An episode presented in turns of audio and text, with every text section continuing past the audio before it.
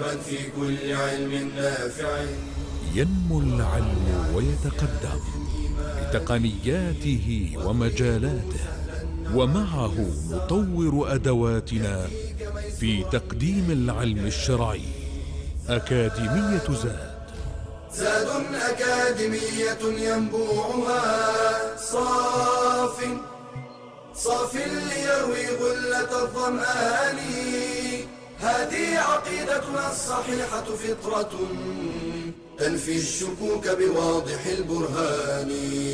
بشرى لنا زاد أكاديمية للعلم كالأزهار في البستان. السلام عليكم ورحمة الله وبركاته. الحمد لله حمدا كثيرا طيبا مباركا فيه. كما يحب ربنا ويرضاه والصلاة والسلام على أشرف أنبيائه وأفضل خلقه نبينا محمد وعلى آله وأصحابه. اللهم علمنا ما ينفعنا وانفعنا بما علمتنا إنك أنت العليم الحكيم وارزقنا العمل بذلك على الوجه الذي يرضيك يا حي يا قيوم واجعله شاهدا لنا لا علينا.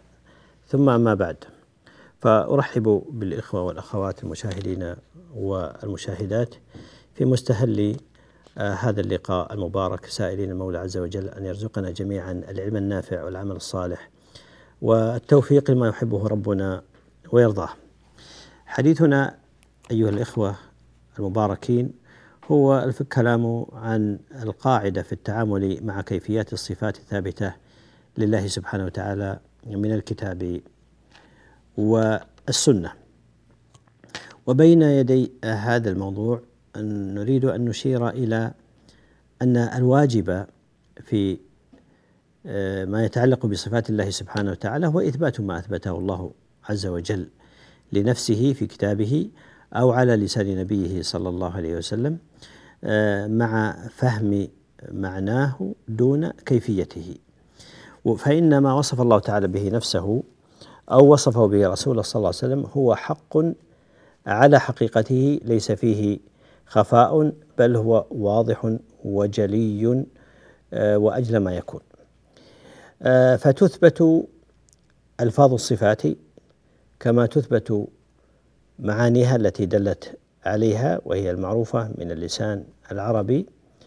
ولا يفوض من ذلك إلا الكيفيات لأنها مجهولة. استأثر الله سبحانه وتعالى بعلمها فلا سبيل لنا إلى إدراك ذلك ولم يأتي النصوص ولم تأتي النصوص في بيانها ولم يبينها لنا النبي صلى الله عليه وسلم.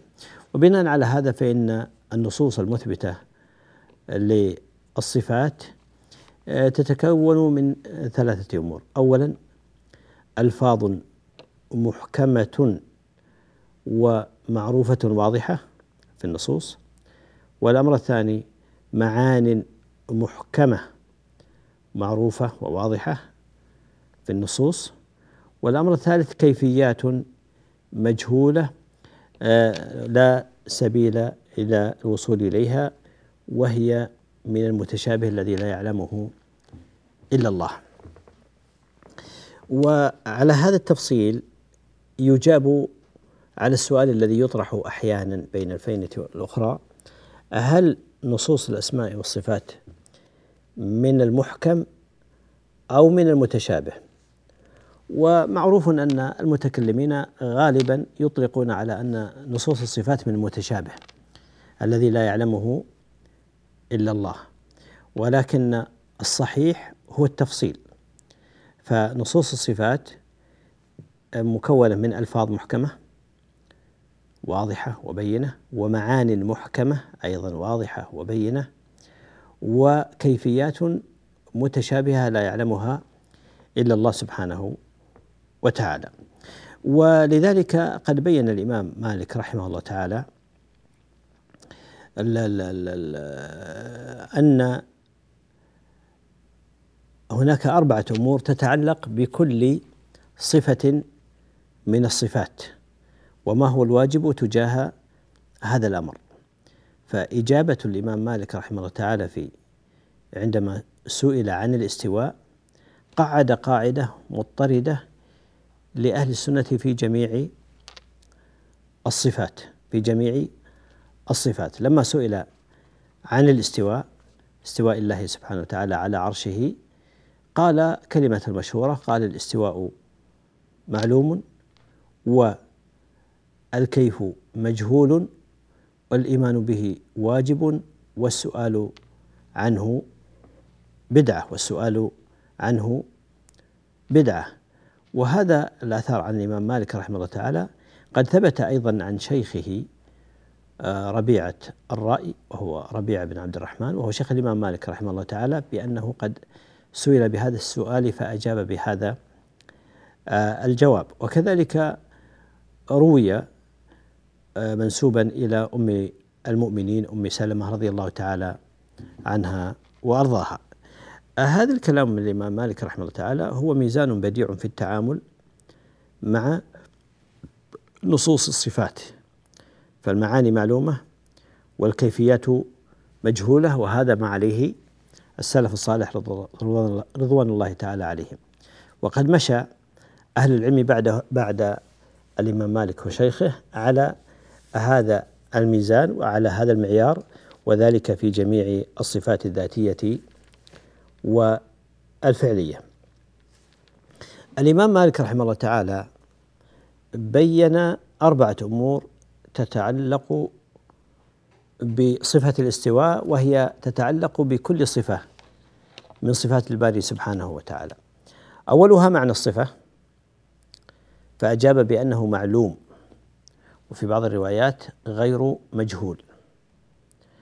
وأجاب أو بين كيفية الجواب عن كيفية الصفة فقال فأجاب بأنه مجهول وفي بعض الروايات غير معقول والسؤال الثالث عن الإيمان بهذه الصفة فأجاب بأنه واجب لماذا؟ لأن الله سبحانه وتعالى أخبرنا به وأخبرنا به الرسول صلى الله عليه وسلم فالواجب علينا هو الإيمان والتصديق هو الإيمان والتصديق. والرابع هو السؤال عن الكيفية.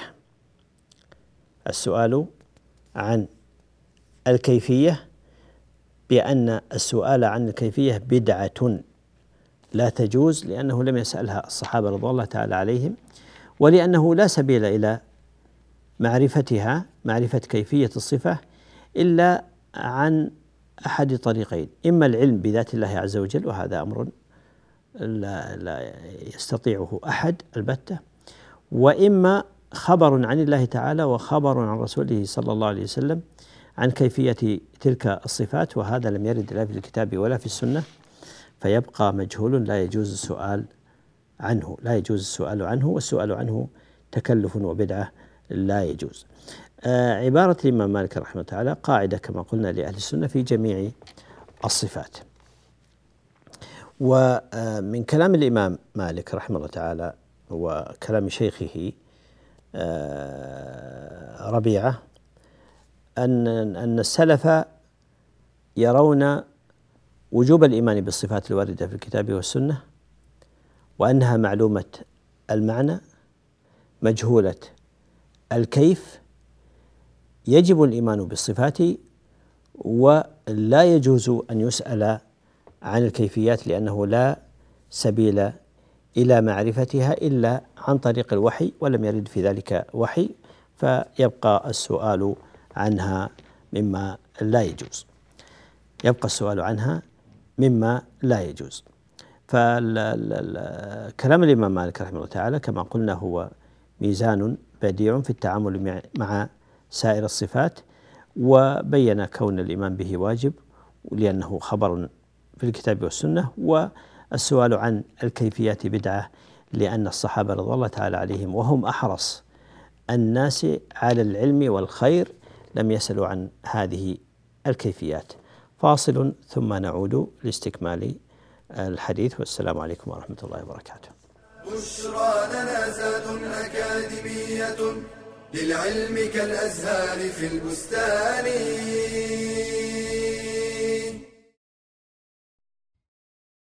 عن أي شيء تبحث وفي أي شيء ترغب وماذا تطلب وما هي همتك في هذه الحياة. فالمسلم يحب المعالي ويسعى إليها. قال صلى الله عليه وسلم إن الله يحب معالي الأخلاق ويكره سفسافها. واعلم أن طلب العلم لا ينتهي بل هو مستمر إلى آخر العمر. قيل للإمام أحمد وهو يحمل محبره إلى متى؟ فقال مع المحبرة إلى المقبرة ولا يعوق كبر السن عن طلب العلم إذا توافرت الهمة فلا أن تموت طالبا للعلم خير من أن تموت قانعا بالجهل. وذو الهمة في الطلب يهتم بجمع الفوائد وقراءة المطولات قال أبو عبيد. ربما كنت أستفيد الفائدة من أفواه الرجال فأضعها في الكتاب فأبيت ساهرا فرحا بتلك الفائدة. وقال الخطيب البغدادي قرأت على إسماعيل بن أحمد صحيح البخاري جميعه في ثلاثة مجالس. ومن المهم المداومة على طلب العلم فالقليل مع المداومة خير من الكثير مع الانقطاع. قال عكرمة طلبت العلم أربعين سنة وقال أبو العباس النحوي ما فقدت إبراهيم الحربي من مجلس لغة من خمسين سنة فاطرح عنك الكسل واحرص على دراسة العلم وإحسان العمل. قال تعالى والذين جاهدوا فينا لنهدينهم سبلنا وإن الله لمع المحسنين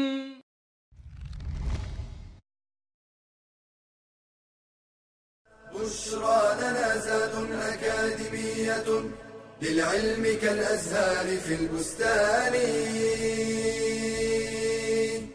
السلام عليكم ورحمة الله وبركاته. نستكمل الحديث الذي بدأناه قبل الفاصل. فبعد الكلام على معيار الإمام مالك رحمه الله تعالى الذي أشار إليه والذي اتخذه أهل السنة مقياسا ومعيارا يسار عليه في جميع الصفات. يتبين أن التفويض هو هو الأمر المجهول الذي يفوض أمره إلى الله سبحانه وتعالى إنما هو في الكيفيات فقط. أما ألفاظ آه، الصفات ومعانيها فهي معلومة فلا يحصل فيها التفويض. هذا يجرنا إلى آه، مسألة التفويض. والتفويض في في موضوع الأسماء والصفات وما الذي يفوض وما الذي لا يفوض. وكالعادة نشير بإيجاز إلى المعنى اللغوي للتفويض. ومعلوم أن التفويض معناه رد الشيء إلى غيره وجعله الحاكم فيه. أن يرد الشيء إلى غيره ويفوض إليه الحكم فيه يجعل هو الحاكم فيه. أما عن معناه الاصطلاحي فهو بحسب نوع هذا التفويض. والتفويض على أربعة أنحاء أو على ثلاثة أنواع على ثلاثة أنواع. الأول هو تفويض أهل السنة والجماعة. وهو التفويض الواجب. ومعناه رد علم كيفيات الصفات إلى الله تعالى فلا يعلمها إلا هو. رد علم كيفيات الصفات إلى الله عز وجل فهو فلا يعلمها إلا هو سبحانه وتعالى. فالتفويض هنا إنما هو تفويض الكيفيات. لأنه لا سبيل إلى معرفتها إلا عن طريق الخبر ولم يرد في الخبر ما يدل على ذلك فيفوض الأمر في هذا إلى الله عز وجل وهو أعلم بكيفيات هذه الصفات. نعم لهذه الصفات كيفيات وحقائق لكننا نجهلها ولا نعرفها. هناك تفويض بعض الفقهاء تفويض بعض الفقهاء وهم على طائفتين. آه، معنى التفويض عندهم قبل أن نشير إلى قسميهما. قالوا هو التوقف في الكلام عن ظاهر الصفات ومعانيها. هل ظاهرها مراد لله عز وجل أو ليس مراد؟ فنحن نتوقف ونفوض الأمر إلى الله سبحانه وتعالى. وهم على طائفتين منهم من يقول يجوز أن يكون ظاهر هذه الصفات ظاهر هذه النصوص يكون مرادا لله عز وجل ويجوز الا يكون مرادا لله عز وجل ولكننا نتوقف ونفوض الأمر إلى الله عز وجل. ومنهم طائفة من قال لا أقول بأنه يجوز ولا لا يجوز إنما علي أن أقرأها كما هي ولا أقف عندها ولا أفسرها في معانيها ولا في غير ذلك من الأمور واكل أمرها إلى الله عز وجل، هذا تفويض الفقهاء. النوع الثالث وهو تفويض المتكلمين وهو المقصود عند الإطلاق. إذا قيل التفويض والتفويض المذموم هو تفويض المتكلمين وهو المراد عند الإطلاق وهو صرف اللفظ عن ظاهره مع عدم التعرض لبيان معناه أي نص من النصوص يأتي في الصفات فهم يقولون إن ظاهر هذا اللفظ غير مراد لله عز وجل. كلفظ اللفظ الوارد في إثبات صفة اليدين لله عز وجل. يقولون إن ظاهر النص غير مراد لكن ما هو المراد؟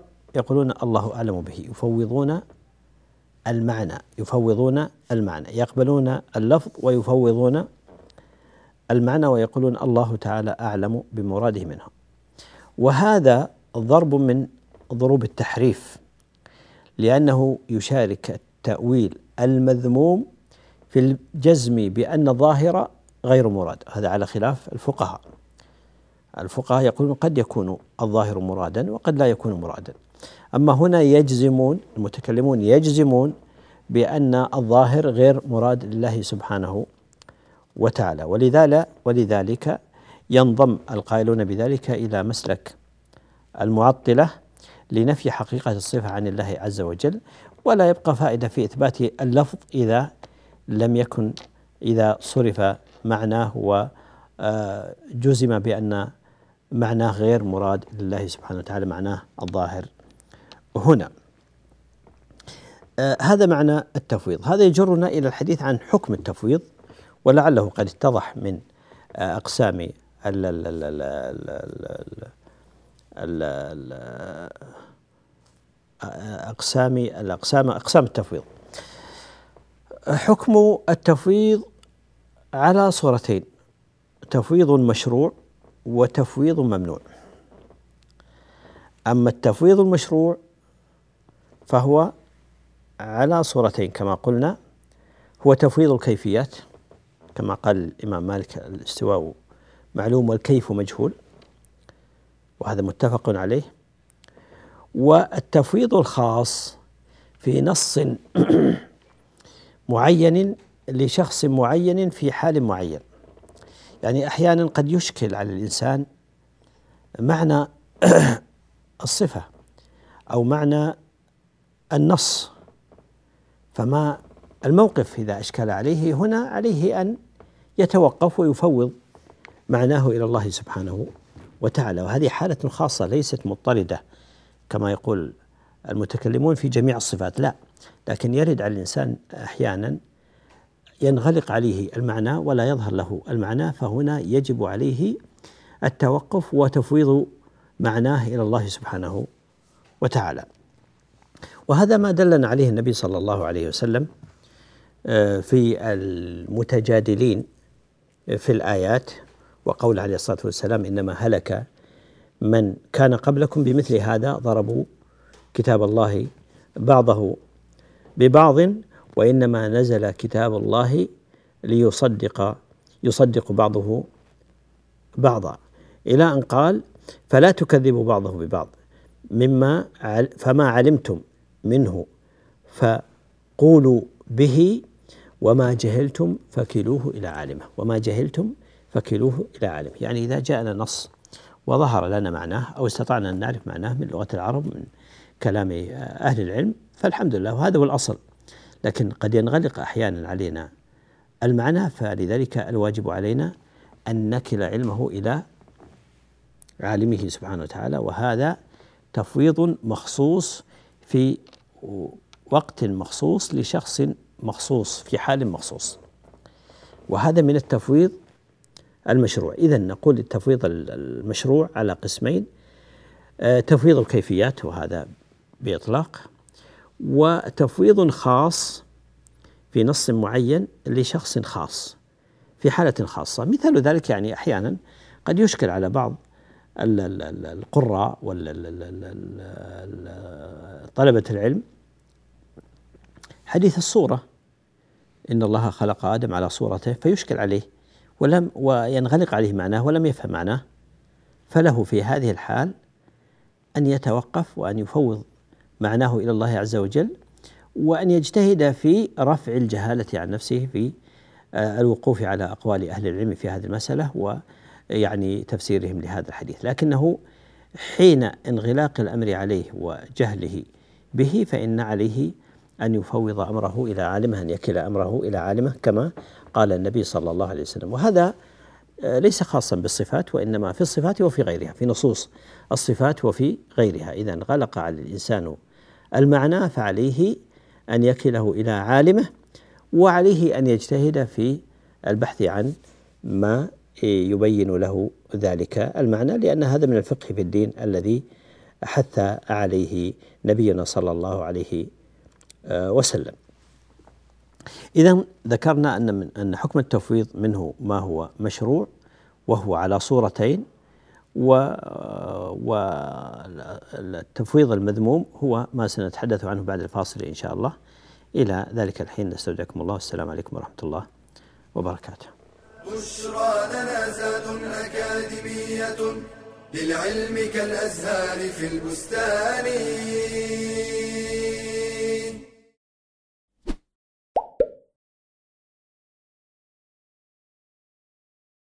هل أنت حريص على رأس مالك؟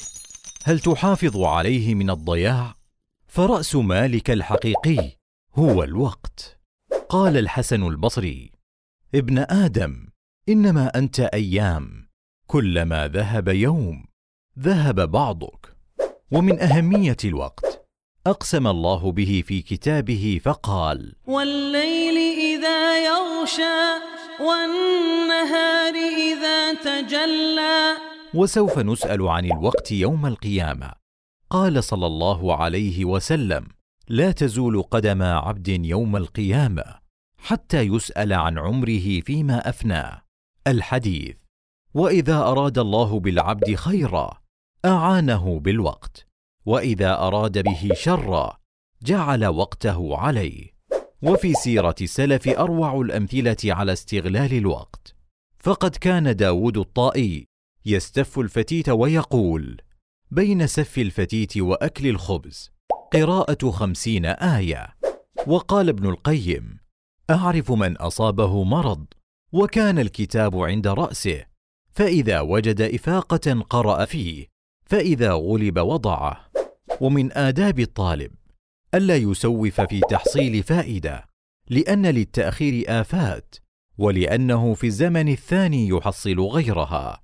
ومن المحافظة على الوقت البعد عن البطالين الذين يقضون أعمارهم في المسامرات فلا تكن ممن لا يشكرون نعمة الوقت. فإن رسول الله صلى الله عليه وسلم قال نعمتان مغبون فيهما كثير من الناس الصحة والفراغ. بشرى لنا زاد أكاديمية للعلم كالأزهار في البستان. الحمد لله أكرر الترحيب بالإخوة والأخوات. تكلمنا عن حكم التفويض وقلنا إن منه ما هو مشروع وهو على صورتين تفويض الكيفيات بإطلاق والتوفيض الخاص في حال خاصة لشخص خاص في يعني آه، على مسألة خاصة. وهذا ليس خاصا بموضوع الصفات. أما التفويض الممنوع فهو على صورتين أيضا تفويض الفقهاء وهم الذين قالوا نتوقف في نصوص الصفات فقد يكون آه، ظاهرها مرادا وقد لا يكون مرادا. ويفوضون معناها إلى الله عز وجل نهائيا. وتفويض المتكلمين وهم الذين جزموا بأن معانيها الظاهرة وظاهر النصوص غير مراد في الصفات ويكلون ذلك إلى الله سبحانه وتعالى مع الجزم بأن ظاهرها ليس مرادا. وهذا هو الفارق بين تفويض الفقهاء وتفويض المتكلمين. تفويض الفقهاء يقولون يجوز أن يكون الظاهر مرادا معناه مرادا وقد لا يكون ويجوز أن يكون غير مراد. أما المتكلمون فهم يجزمون بأن الظاهر غير مراد. لكن ما هو المعنى المراد؟ يقولون الله أعلم به فيفوضون المعاني والكيفيات. هذا يبين لنا حكم التفويض والكلام فيه وأقسامه وأنواعه. هذا قد يجرنا إلى الحقيقة لأنها من الأخطاء الشائعة أن أن أن ينسب تفويض المعاني إلى السلف وهذا خطأ. وهذا سنشير إليه بعد أن نتكلم عن متى نشأ الكلام في تفويض المعاني وما هي أسبابه التي أدت إلى ذلك. آه ظهر تفويض المعاني على وهو تفويض المتكلمين ظهر في مطلع القرن الرابع. الهجري لأسباب منها الفهم الخاطئ للأسف لمذهب السلف فظنوا أن أن تفويض الكيفيات هو تفويض للمعاني. وفهموا كلام الإمام مالك رحمه الله تعالى في هذا مع أنه صريح. قال الاستواء معلوم يعني من حيث المعنى والكيف نص على الكيف والكيف مجهول. لكنهم ظنوا أن السلف كانوا مفوضة للمعاني بإطلاق. و فنسبوا التفويض بإطلاق وتفويض المعاني مع الكيفيات للسلف. الأمر الثاني هي الأصول العقلية المستمدة آه، من الفلسفة اليونانية التي أخذ بها أهل الكلام آه، مثل شبهة حلول الحوادث وشبهة التركيب ونفي الجسمية وغيرها من الشبه التي جعلتهم يقولون بمثل هذا. آه، القول. الأمر الثالث انتشار مذهب التأويل فظنوا أن التفويض أسلم من التأويل فقالوا به. يدل على ذلك أيضا ومن يعني دل عليه أو من الأسباب أن تراجع كثير من المؤولة إلى التفويض كالجويني وغيره من العلماء الذين كانوا في أول أمرهم يؤولون الصفات ثم في الأخير رجعوا إلى التفويض. قالوا لا نؤول ولا وإنما نكل ونفوض معانيها إلى الله سبحانه وتعالى. وكذلك ما أفتى به كبراءهم من المتكلمين بلزوم العامة القول بالتفويض القول بالتفويض. ومن هنا قالوا بأنه لا يسعهم إلا ذلك. من هنا نشأ الخطأ والزعم بأن السلف مفوضة للمعاني والكيفيات ونحن مر معنا توضيح ذلك وأن السلف إنما يفوضون الكيفيات دون آه، المعاني دون المعاني. أما تفويض المعاني فهو بدعة كلامية حادثة بعد القرون الثلاثة المفضلة وهو من شر مذاهب أهل الأرض فهم يفوضون المعنى والكيف فيقولون المعاني نصوص الصفات غير معلومة لنا ولذلك سماهم العلماء بأهل التجهيل.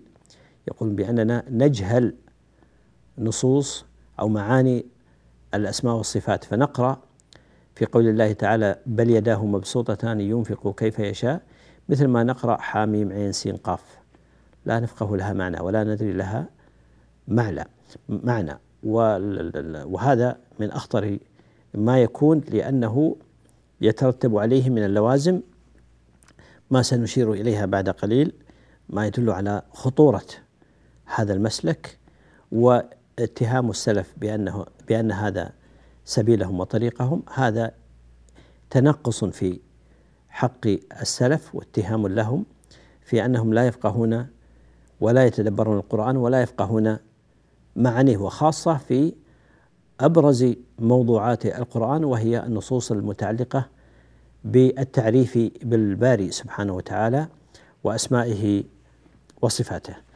من شبهاتهم من شبهات المفوضة الفهم الخاطئ لمعنى الآية الكريمة في أوائل سورة آل عمران هو الذي أنزل عليك الكتاب منه آيات محكمات هن أم الكتاب وأخر متشابهات. وزعموا أن آيات الصفات من المتشابه بإطلاق كما تقدم معنا. وأن التأويل المذكور في الآية هو تأويل المتكلمين وهو صرف اللفظ عن ظاهره إلى غيره بقرينة. وزعموا على أن الوقف إنما هو على لفظ الجلالة وما يعلم تأويله إلا الله والراسخون استئناف وابتداء جديد. فالتأويل لا يعلمه إلا الله سبحانه وتعالى.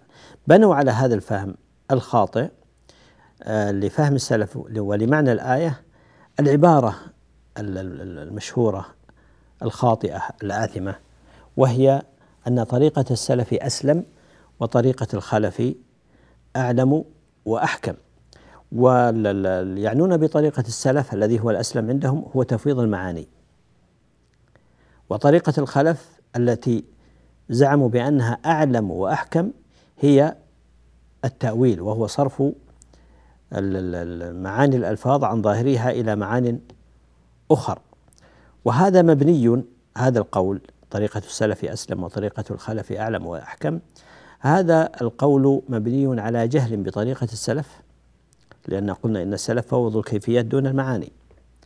والزعم بأنهم فوضوا المعاني هذا ظلم وكذب عليهم. وجهل بهم. وفيه أيضا تنقص للسابقين الأولين وجعل المتأخرين أعلم منهم بكتاب الله عز وجل وأفقه بكلام الله عز وجل وهذا من الظلم. إضافة إلى ما في هذه العبارة من التناقض والاختلاف فالسلامة تقتضي العلم والحكمة والعلم والحكمة يقتضيان السلامة. أما هذا أسلم وهذا أعلم وأحكم فهذا تناقض آه، غير مقبول. ولذلك تراجع عن طريقة الخلف التي يزعمون بأنها الأعلم والأحكم من عرف ما فيها من ضلال وبعد عن الحق ورجعوا إلى آه، ما عليه السلف آه، رحمهم الله تعالى. آه، مما يدل على بطلان مسلك التفويض اولا النصوص الدالة على بيان القرآن وأنه نزل بلسان عربي مبين وبيان الرسول صلى الله عليه وسلم لكل ما يحتاج إليه الناس سواء كان في جوانب العقيدة والصفات أو ما يتعلق بأحكامهم بالأحكام العبادية والأحكام الأخرى. فالنبي صلى الله عليه وسلم ما توفي عليه الصلاة والسلام إلا وقد بلغ البلاغ المبين عليه الصلاة والسلام. الأمر الثاني النصوص الدالة على تيسير القرآن ولقد يسرنا القرآن للذكر فهل من مدكر؟ نقول إن نصوص الصفات كلها لا أحد يفقه معانيها. هذا وهذا تجهيل يعني أن الصحابة يجهلون القرآن والنبي صلى الله عليه وسلم لم يبين لهم. أهم ما في القرآن وهي النصوص المتعلقة بصفات الله سبحانه وتعالى. وكذلك النصوص الدالة على الأمر بتدبر القرآن والفقه في دين الله عز وجل. إذا قلنا بأنها مجهولة المعاني هذه وأن يعني تفسيرها إنما هو مجرد قراءتها. هذا هذا لا شك أنه من الأمور التي تخالف ما أمرنا الله سبحانه وتعالى به من الفقه في دين الله عز وجل. على كل انتهى الوقت. نكتفي بهذا القدر. إلى أن نلتقي في لقاء قادم إن شاء الله. أستودعكم الله الذي لا تضيع ودائعه. سبحانك اللهم وبحمدك أشهد أن لا إله إلا أنت. أستغفرك وأتوب إليك. والسلام عليكم ورحمة الله وبركاته. تلك العلوم دروسها ميسورة في صرح علم الراسخ الأركان. بشرى لنا بشرى لنا بشرى لنا زاد أكاديمية للعلم كالأزهار في البستان.